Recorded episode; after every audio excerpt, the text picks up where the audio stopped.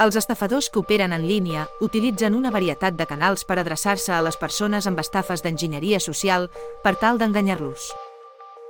Es fan passar per empreses o organitzacions legítimes i fins i tot parents teus per aconseguir que els lliuris informació personal valuosa. T'explicaré 8 tipus d'estafa molt habituals a dia d'avui perquè estiguis millor previngut. 1. Robatori d'identitat. El delinqüent sol·licita informació personal a la seva víctima, ja sigui una fotografia del seu carnet, número de telèfon o altres dades. Amb això pot suplantar la nostra identitat financera i canviar contrasenyes a la nostra banca digital. 2. Falses emergències familiars. Si et roben el mòbil, el delinqüent el pot fer servir per enviar missatges de WhatsApp als teus familiars i els sol·licita diners per solucionar un fals accident, per exemple. 3. Phishing i smishing.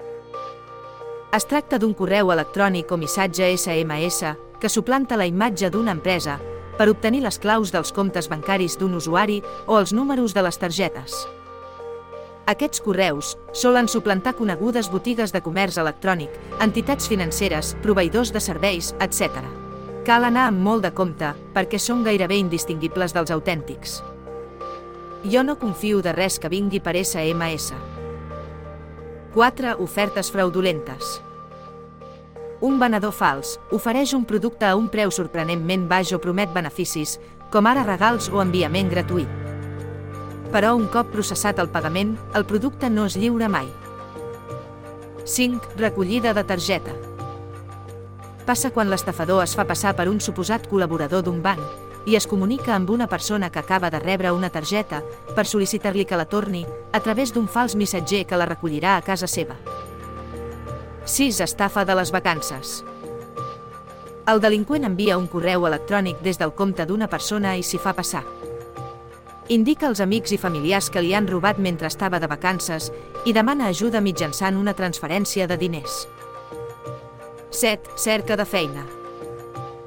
Consisteix en una oferta falsa de treball en línia que promet un salari alt per una feina que requereix molt poca experiència. Al postulant se li sol·licita informació personal com a part del procés de contractació o que pagui per avançat la capacitació, els materials o algun curs relacionat amb la feina a realitzar. 8. Phishing. Els estafadors intenten comunicar-se amb la víctima per telèfon i es fan passar com a col·laboradors del banc. I durant la trucada demanen informació sensible. Cal tenir en compte que el banc sí que es pot comunicar amb tu per validar les teves transaccions o per oferir-te productes. Però mai et demanaran dades sensibles com les contrasenyes. Per acabar aquest episodi, et donaré 10 recomanacions preventives. 1. No comparteixis dades personals amb estranys. 2. No deixis que algun repartidor a domicili escanegi la teva credencial. 3. No desis les dades de la teva targeta al mòbil, ni tan sols en missatges. 4. Si pots, activa l'accés a les aplicacions mitjançant empremta. 5. Analitza bé les adreces web que t'enviïn per correu o missatge. 6. Esborra els missatges de xat on vas escriure contrasenyes.